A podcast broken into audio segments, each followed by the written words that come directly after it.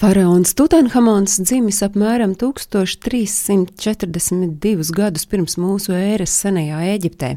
Tutanhamons pārstāv senās Eģiptes valdnieku 18. dinastiju un dzīvojas laikā, ko Eģiptes vēsturē pazīst kā jauno karalisti. Viņš par faraonu kļuva 9 gadu vecumā un paspēja gan valdīt vien aptuveni 10 gadu līdz mira neskaidros apstākļos.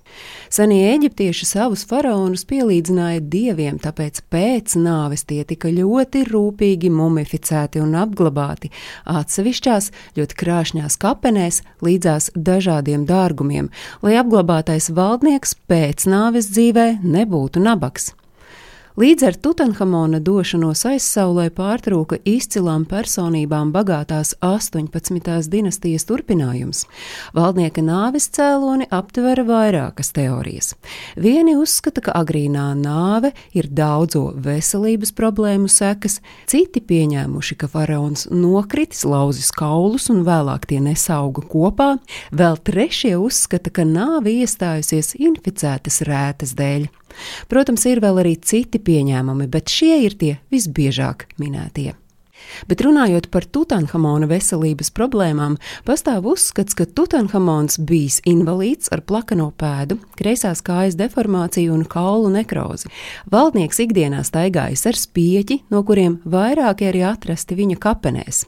Viņam bija arī citas veselības problēmas, tostarp skolioze, tātad valdniekam bija uz sāniem deformēts mugurkauls, un šī slimība parasti kombinējas ar skriemeļu rotāciju. Vēl zināms, ka Tutanhamons slimojas ar malāriju, periodiskas druģelēkmes bijušas, drebuļi un mazasinība. Senie eģiptieši uzskatīja, ka cilvēks nomirst divas reizes. Pirmo reizi, kad viņa dvēsele atstāja ķermeni, bet otro reizi, kad cilvēki, kas viņu atceras, pēdējo reizi izsaka šā cilvēka vārdu.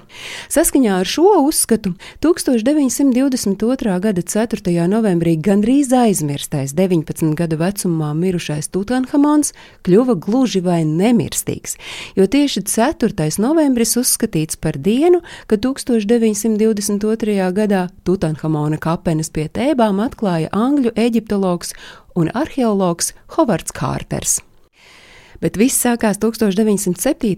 gadā, kad arheologs uzsāka izrakumus valdnieku ielā Eģiptē. Projekta finansēšanu bija uzņēmies kāds ļoti bagātas britu dzimtes mantinieks, Lords Karnarvons, jo viņam gluži vienkārši dzimtenē bija kļuvis garlaicīgi, tāpēc devās meklēt piedzīvojumus uz Eģipti. Sākotnēji garlaicības māktā cilvēku uzsāktais projekts ilga 15 gadu, un brīdī, kad Hovards Kārters jau bija grasījies mest mieru, viņam izdevās uziet neskartās kapenes, un tas notika 1922. gada 4. novembrī.